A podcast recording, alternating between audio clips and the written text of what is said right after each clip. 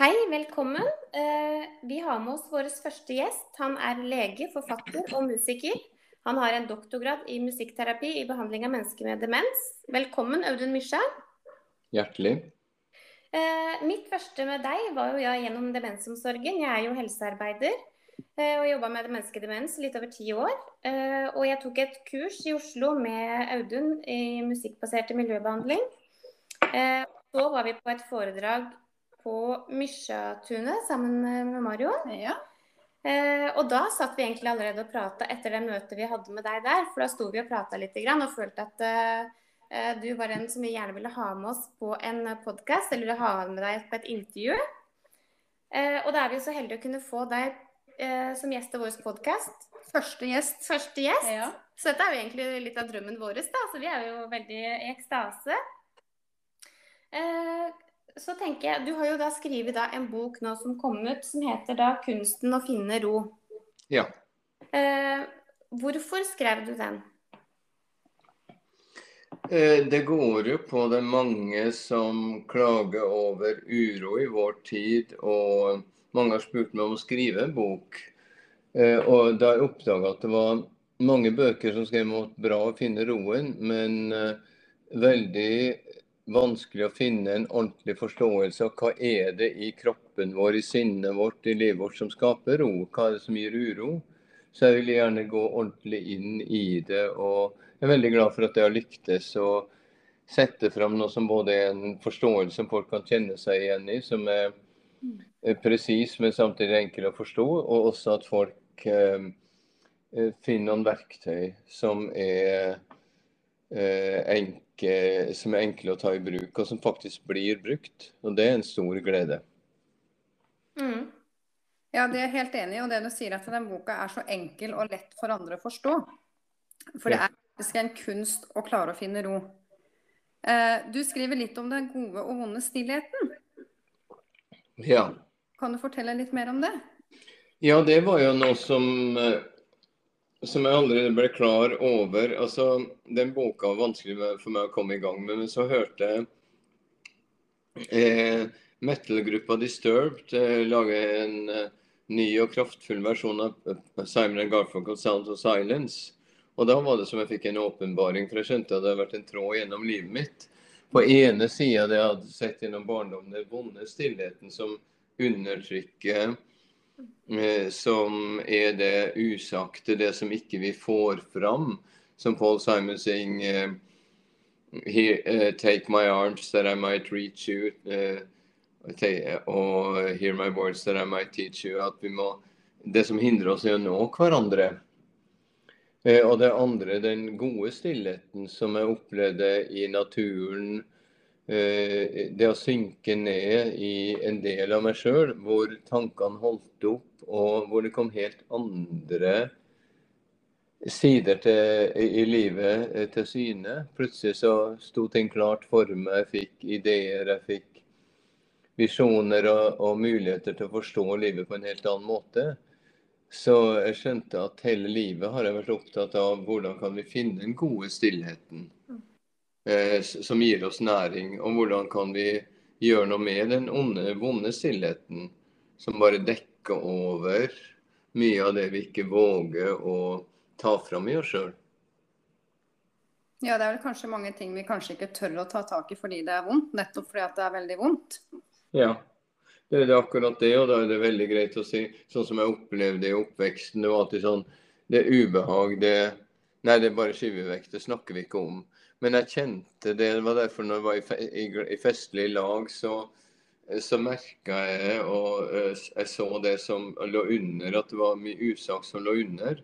Og det plaga meg veldig at det ikke var det som ble snakka om, men isteden ble snakka om, om, eh, om, hyggelige ting på en overflate som ikke ga meg noen ting. Så det var jo en sånn barndomsopplevelse som var veldig tydelig for meg. da. Eh, vi har diskutert i forhold til litt med negativ stillhet. Eh, I hvert fall når mamma døde. Da følte vi veldig på den derre um, Det var så støyete rundt oss, og jeg følte at det var liksom Vi kunne være midt i et rom med masse, masse folk og føle at vi på en måte var aleine med vår egen stillhet, da. Uh, vi klarte på en måte ikke å ta inn det andre, det andre sa. Eh, og det var ikke en sånn god ro som vi hadde, det var liksom på en måte en sånn stillhet av tomhet. Og akkurat den mm. samme følelsen fikk jeg når jeg hørte på den sangen um, 'Sound of Silence'. Mm. Når jeg begynte å høre på den sangen, da kjente jeg på en sånn veldig sånn indre ro. Men det var nesten så det liksom vippa over til den der negative roen som jeg følte på når mamma var borte. Mm. Ja. Mm. ja, og det er jo det er jo mye i livet som også er vanskelig å snakke om. Sånn som tapet deres av uh, mora deres. De store tingene som skjer når vi mister et menneske, f.eks. Det er alltid vanskelig å finne ordene. og og jeg tror vi trenger å nærme oss det på fleksible måter. Vi trenger å lytte inn til hva er det mennesket trenger, hva er det øyeblikket trenger. Noen ganger har det plutselig kommet et musikkstykke eller en sang til meg som jeg bare har sunget hjelpeløshet, og det har folk sagt etterpå har truffet inn der sorgen var. Andre ganger er det bare å sitte der i stillhet. Mm. En annen gang er kanskje bare et lite håndtrykk, en liten berøring det er så mange ting som kan forløse. Jeg tror vi trenger, eh, vi trenger å lytte og være våkne for å finne eh, for å finne språket når slike ting skjer oss, sånn som det som har ramma dere.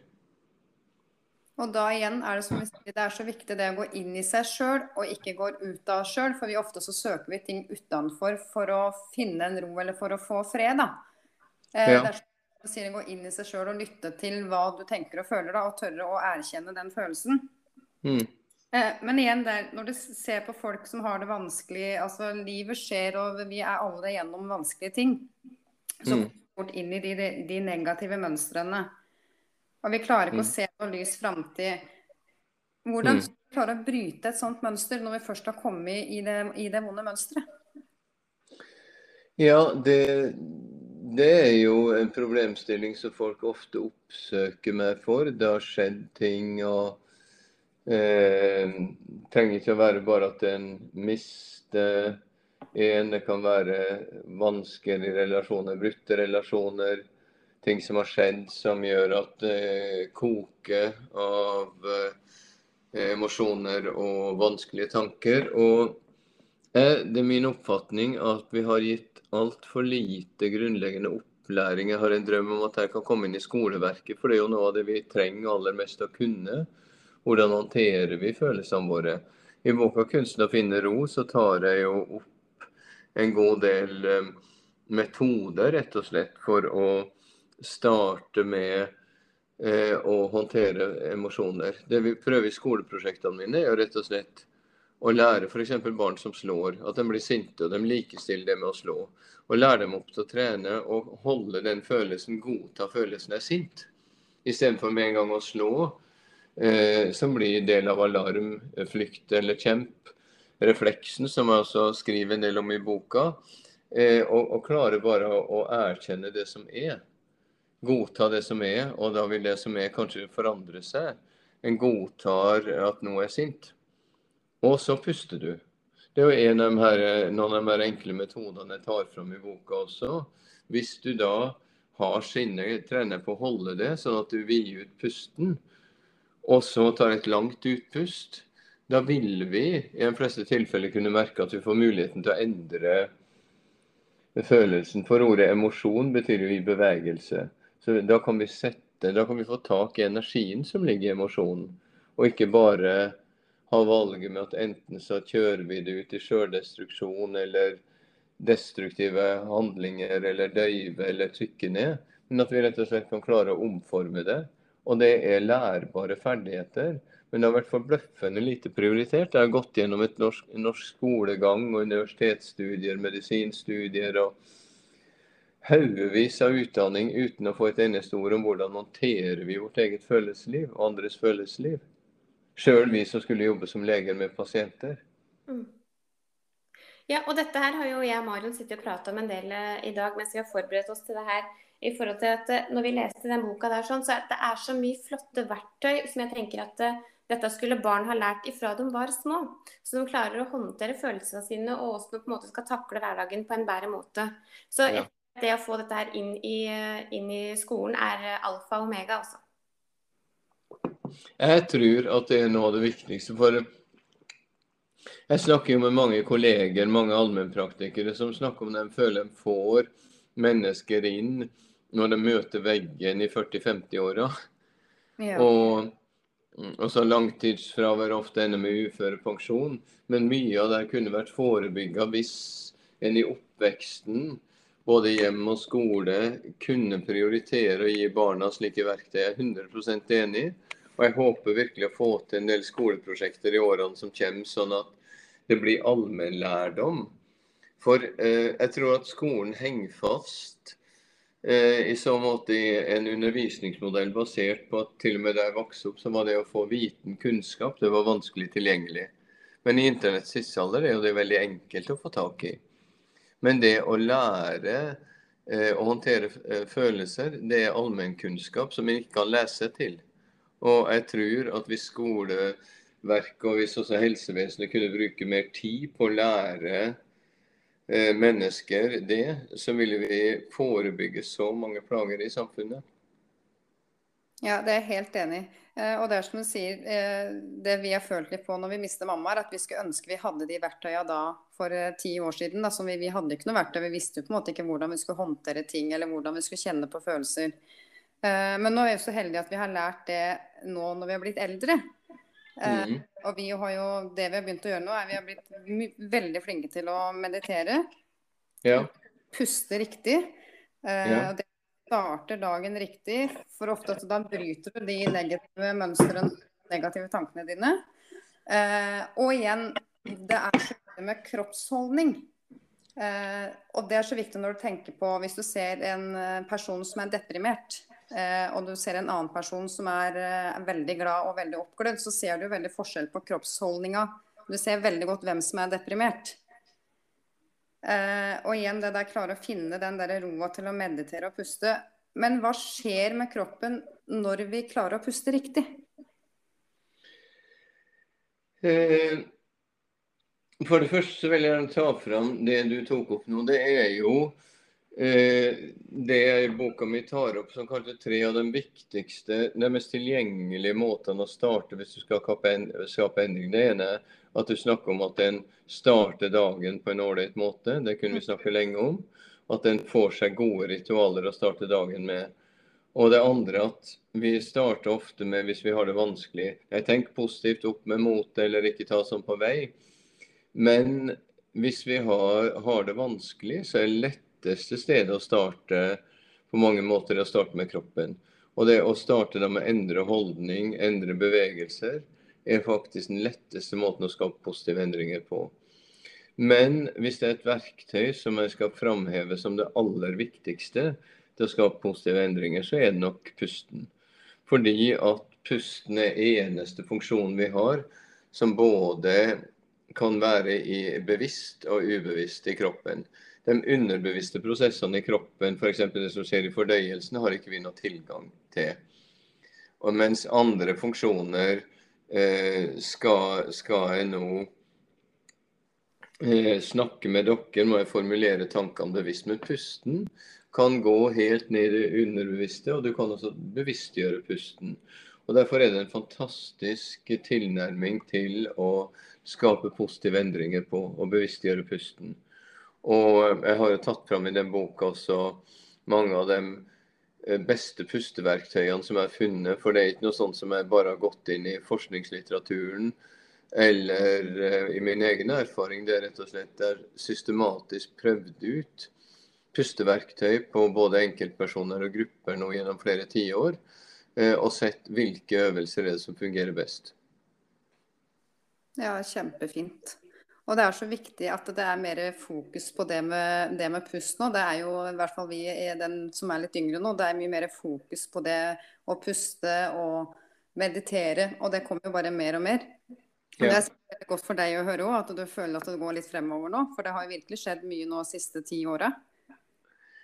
Ja, det, jeg, jeg, føler sånn også. Var, eh, jeg var i en fase i ungdommen. Det var masse som åpna seg i Norge, nye muligheter fra et Norge som hadde vært vel, et fattig land som var relativt Det var eh, på trossida så var det kirka, og på politisk så var det sosialdemokratiet.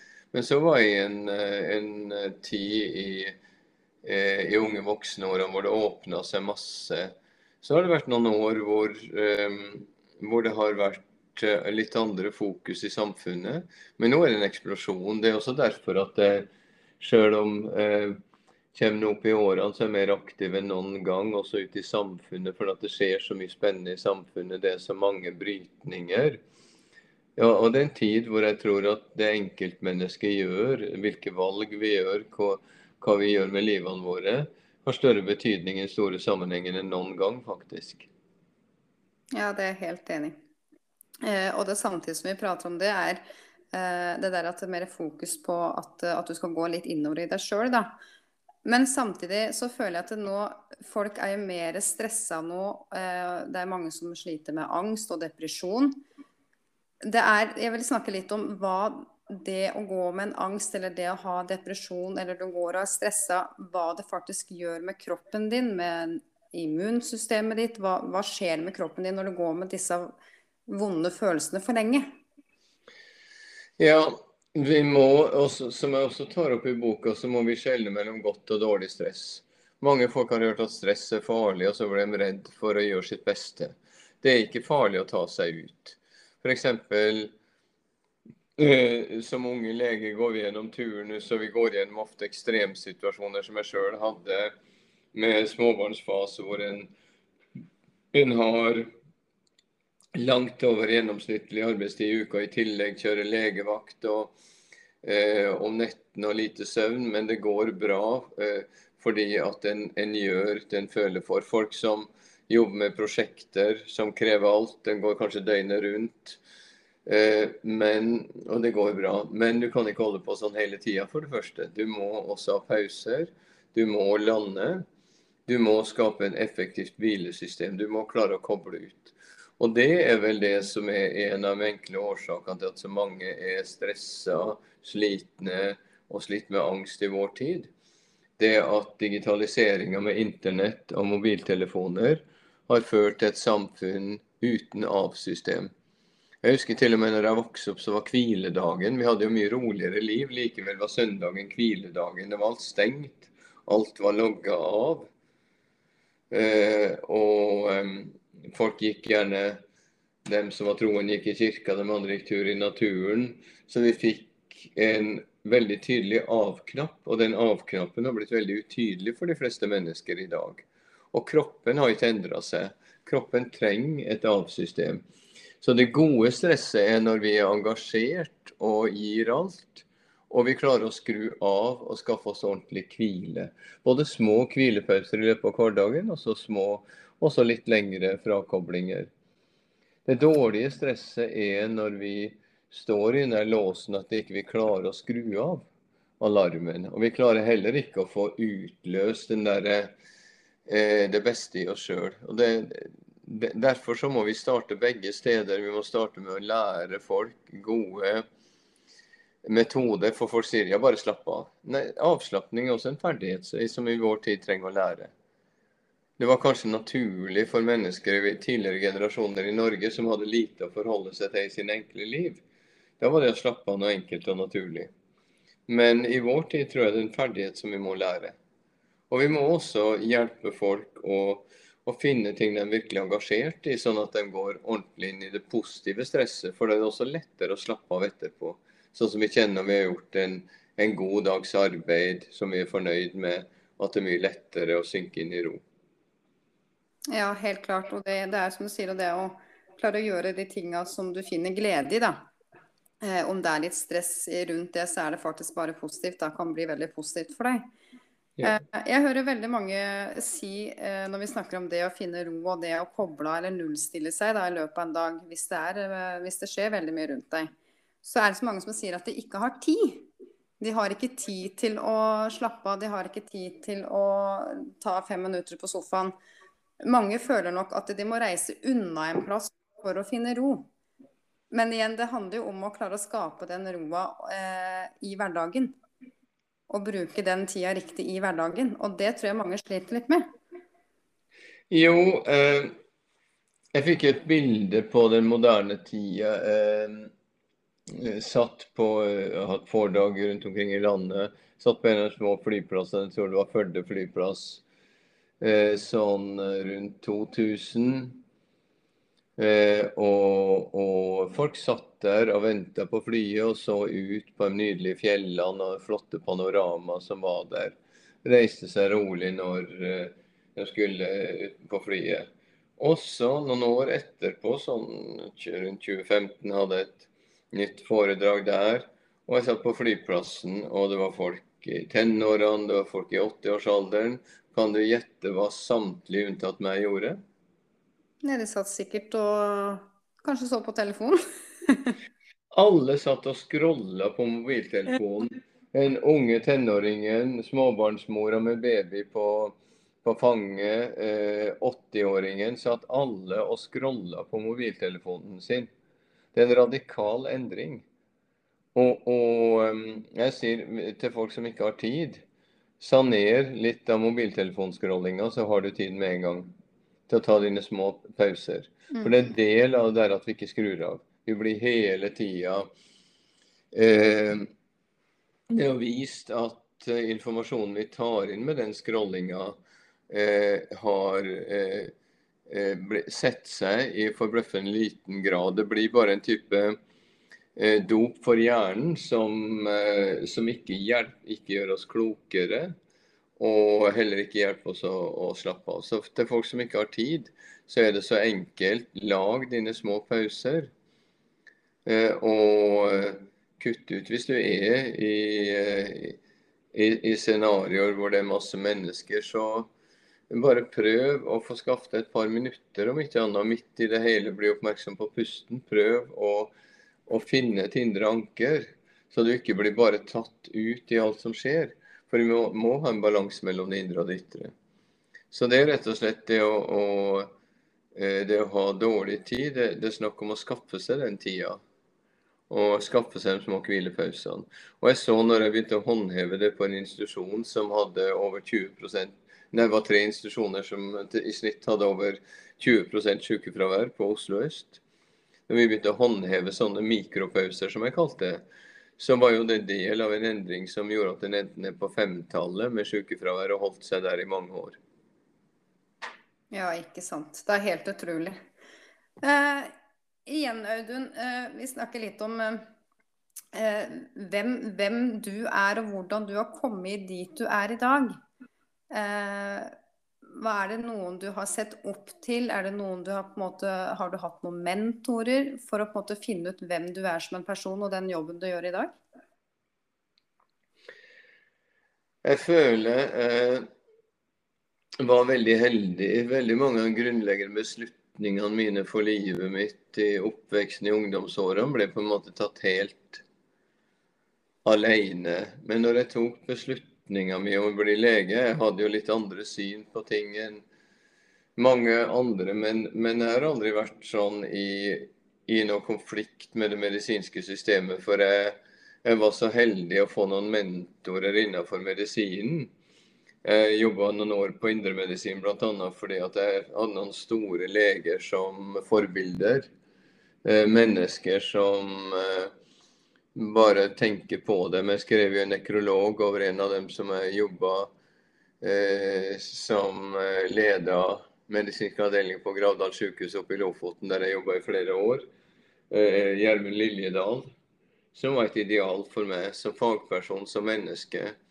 Som en, og det er ikke bare noe sånn et minne, men en varig drivkraft. En sånn lege vil jeg ønske å være. En person som var så etisk og, og så uegennyttig som han var, han ønska å være. Han, han, var streng, ja, men, men det er sånn en evig inspirasjonskilde. Og jeg hadde også en min, min og vår meditasjonslærer eh, gjennom 20 år, fra 1978 til 1998, Bob Moore. Eh, var jo også en slik mentor. Når jeg var på de kursene, så kjente jeg at Nei, Sånn ønsker jeg å stå en dag, og sånn har jeg faktisk da blitt stående. Jeg har jo holdt meditasjonskurs fra 1988 til i dag, og nå i år har vi jo starta en nyvinning, meditasjonslærerutdanninga, som har hatt en helt uventa interesse. Vi starta opp et kull nå i våres, og, i, også ventelista var så stor at vi måtte rydde rom til et kull til. og så, og det er en veldig spennende nyvinning, for jeg tror at det er noe av det viktigste vi kan lære mennesker i vår tid å meditere. Men uh, sånn som Gjermund Liljedal og Bob Moore, eksempler på mentorer som er Jeg kjenner veldig sterkt på at alt er blitt. Det, det har jeg blitt i kraft av at jeg har funnet rette mennesker til rett tid, akkurat som jeg, så mange menn har kunnet forløse mye i livet mitt for at jeg traff eh, min kone Reidun på riktig tidspunkt. Og, og, vi har ikke bare hatt en vanlig familie, vi har også drevet arbeid til arbeid sammen, som jo er krevende, men som samtidig eh, den, det møter, altså kunne løfte fram noe som har vært helt mulig for meg å gjøre alene. Og det tror jeg vi må være klar over på vår, i vår tid. F.eks. Sjølutviklingslitteraturen blir ofte kritisert for at den er bare på meg og mitt. Og det skjønner jeg, fordi at ingen av oss klarer det alene. Vi er helt avhengig av eh, relasjonene våre.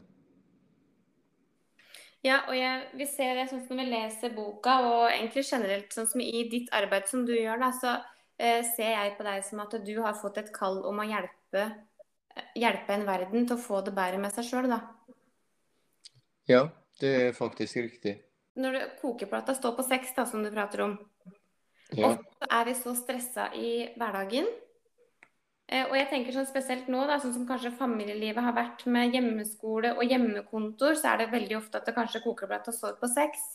Hva er det de kan gjøre for å på en måte skru ned den plata, eller for å skru den av? Jeg tror at uh, hvis du skal få større biceps, så gjør du bicepsøvelser. Hvis du vil bli flink på, til å spille et instrument, så øver du. Og vi har ofte tenkt når det gjelder vår egen utvikling, så det er noe annet. Vi er sånn som vi er. Nei, jeg tror at vi må tenke på akkurat samme måten. Hvis vi, ønsker, hvis vi erkjenner at det er for mye stress i systemet, og vi ønsker å lære oss å skru kokeplata av, så er det noe av det samme. Du, du interesserer deg for området, du leser bøker. Du oppsøker noen som kan det feltet du interesserer deg om. Eh, du interesserer deg for, eh, og, og, du får riktige verktøy, og du begynner å trene. Så jeg tror vi må se vår utvikling og det meste stressystemet til å finne ro på akkurat samme måten. Mm. Og jeg ser at det er innenfor rekkevidde for alle. Har sett mennesker som har vært langt inn i psykiatrien, de har vært så stressa, urolige, ute av seg hatt så store emosjonelle vansker, men får de riktig verktøy og klarer å gjøre små ting hver dag eh, i riktig retning, så er det så er det innafor rekkevidden for nesten alle å kunne eh, bygge en ro som varer over tid. Eh, har dere prata om morgendagens mirakler? Ja, det har vi òg snakket litt om. Hvordan starte dagen riktig. Er det noe mer du vil tilføye der? Ja, altså jeg tror eh, jeg har sett at eh, de friske eldre, dem som helser gjennom årene med helsemessig bedre enn skulle tro, de har det til felles at de har sterke ritualer om morgenen. Mm. At de ser ikke bare ut 'uff, nå regner det, blir en dårlig dag', eller eh, 'ungene eh, hyler og du kjefter', og alle de vanlige tingene men de sørger for sterke ritualer. De fleste av dem står opp litt tidligere for å få en rolig stund. Og jeg tar opp i den boka mange elementer du kan ha i det. Det kan være pusteøvelser, det kan være fysisk trening, bevegelser. Det kan være yoga, hva, hva du enn vil gjøre. Det kan være å lese noen eh, vers, noen fine linjer fra en bok du er glad i. Det kan være å skrive en liten dagbok. Sette sammen slike elementer. Ha et lite ha en, et ritual. Eh, F.eks. den siste boka jeg kom ut med, 'Når de tibetanske ritene', har jo vært en suksess som jeg aldri hadde forestilt meg. Fordi at jeg tror den gir folk en totalpakke innenfor et kvarter som de kan gjøre om, om, morgenen ideelt sett, men om de ikke får til om morgenen, så gjør det senere på dagen.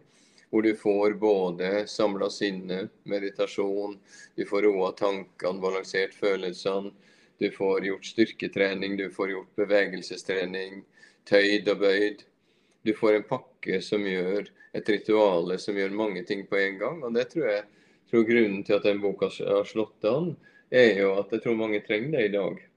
En sånn pakke som de kan eh, få mange gode ting i, i et enkelt ritual, rett og slett.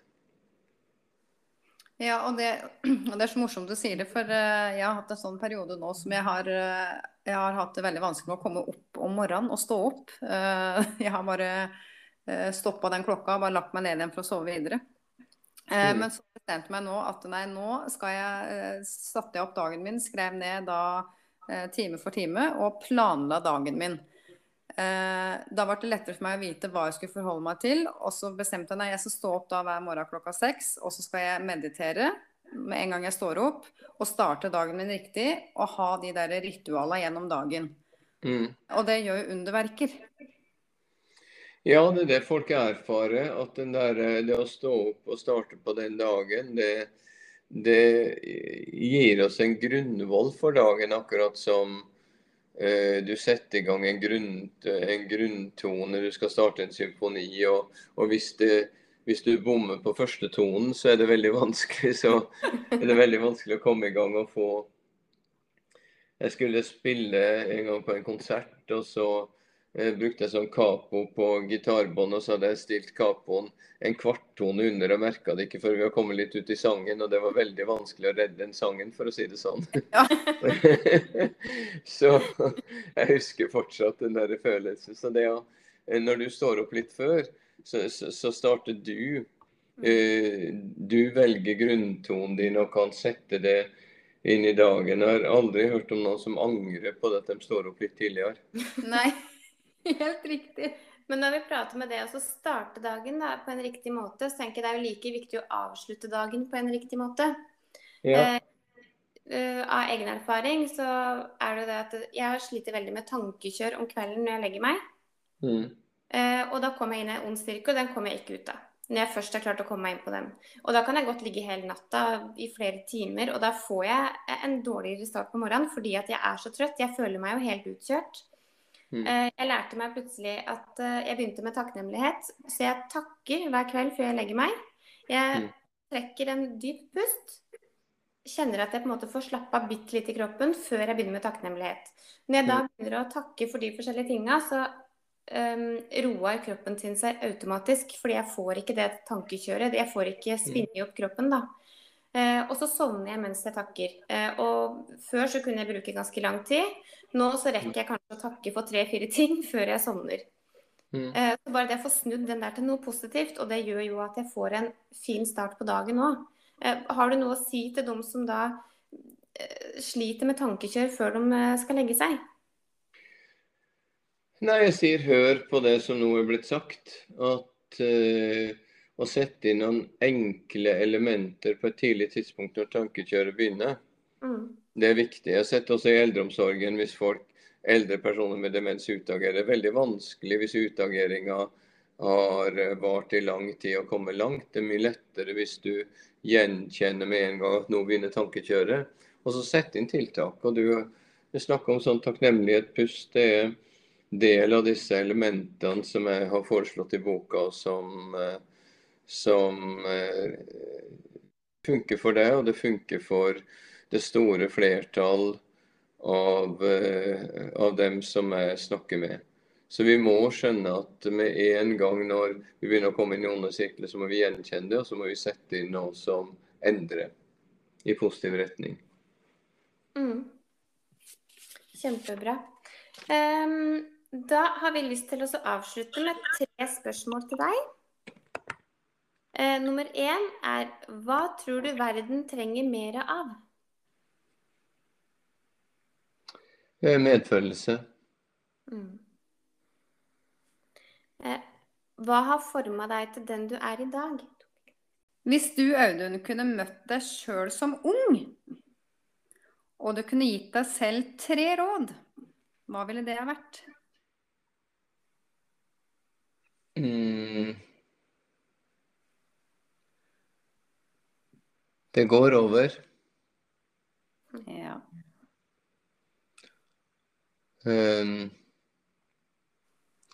Jamna dreg. Det var, det var, en som sprang forbi min far i et lengdeløp etter far min kjørte ut veldig voldsomt. og Så begynte han å bli sliten, og så kom det en opp på sida og han langsomt og sa 'jamna dreg'. Ja. De, små, de små skritts vei, med andre ord. Ja. Fantastisk. Og eh, Og eh, lær radikal lytting. Mm. Hva som har forma meg uh, Jeg vil si litt som uh, Bob Dylan synger I shall be released. They say everything can be replaced. They say every distance is not near. But I remember every face of every man that brought me here. Mm. Jeg føler, at, jeg føler veldig takknemlighet overfor absolutt alt overfor alle, alt og alle, det gode, det vonde, absolutt alt som er erfart og levd, har forma meg til den jeg er. Og det er en del, hvis én komponent har vært borte, hvis jeg bare hadde opplevd eh, det lette, hadde jeg eh, ikke blitt sjuk i ungdomsåra, hvem ville jeg vært? Antagelig en ufordragelig og arrogant, vellykka person eh, ville ha vært en annen. Så jeg er veldig takknemlig for absolutt alt. Og jeg har blitt forma av absolutt alt, og er glad for det. Ja, det var fint å høre, Audun. Veldig flott å høre. Eh, da vil vi bare takke for eh, intervjuet du har hatt med oss i dag. Det setter vi utrolig stor pris på. Og tusen takk for alt som du deler med verden. Jeg tenker at vi trenger flere som deg. Det er det, det, er det her verden trenger nå.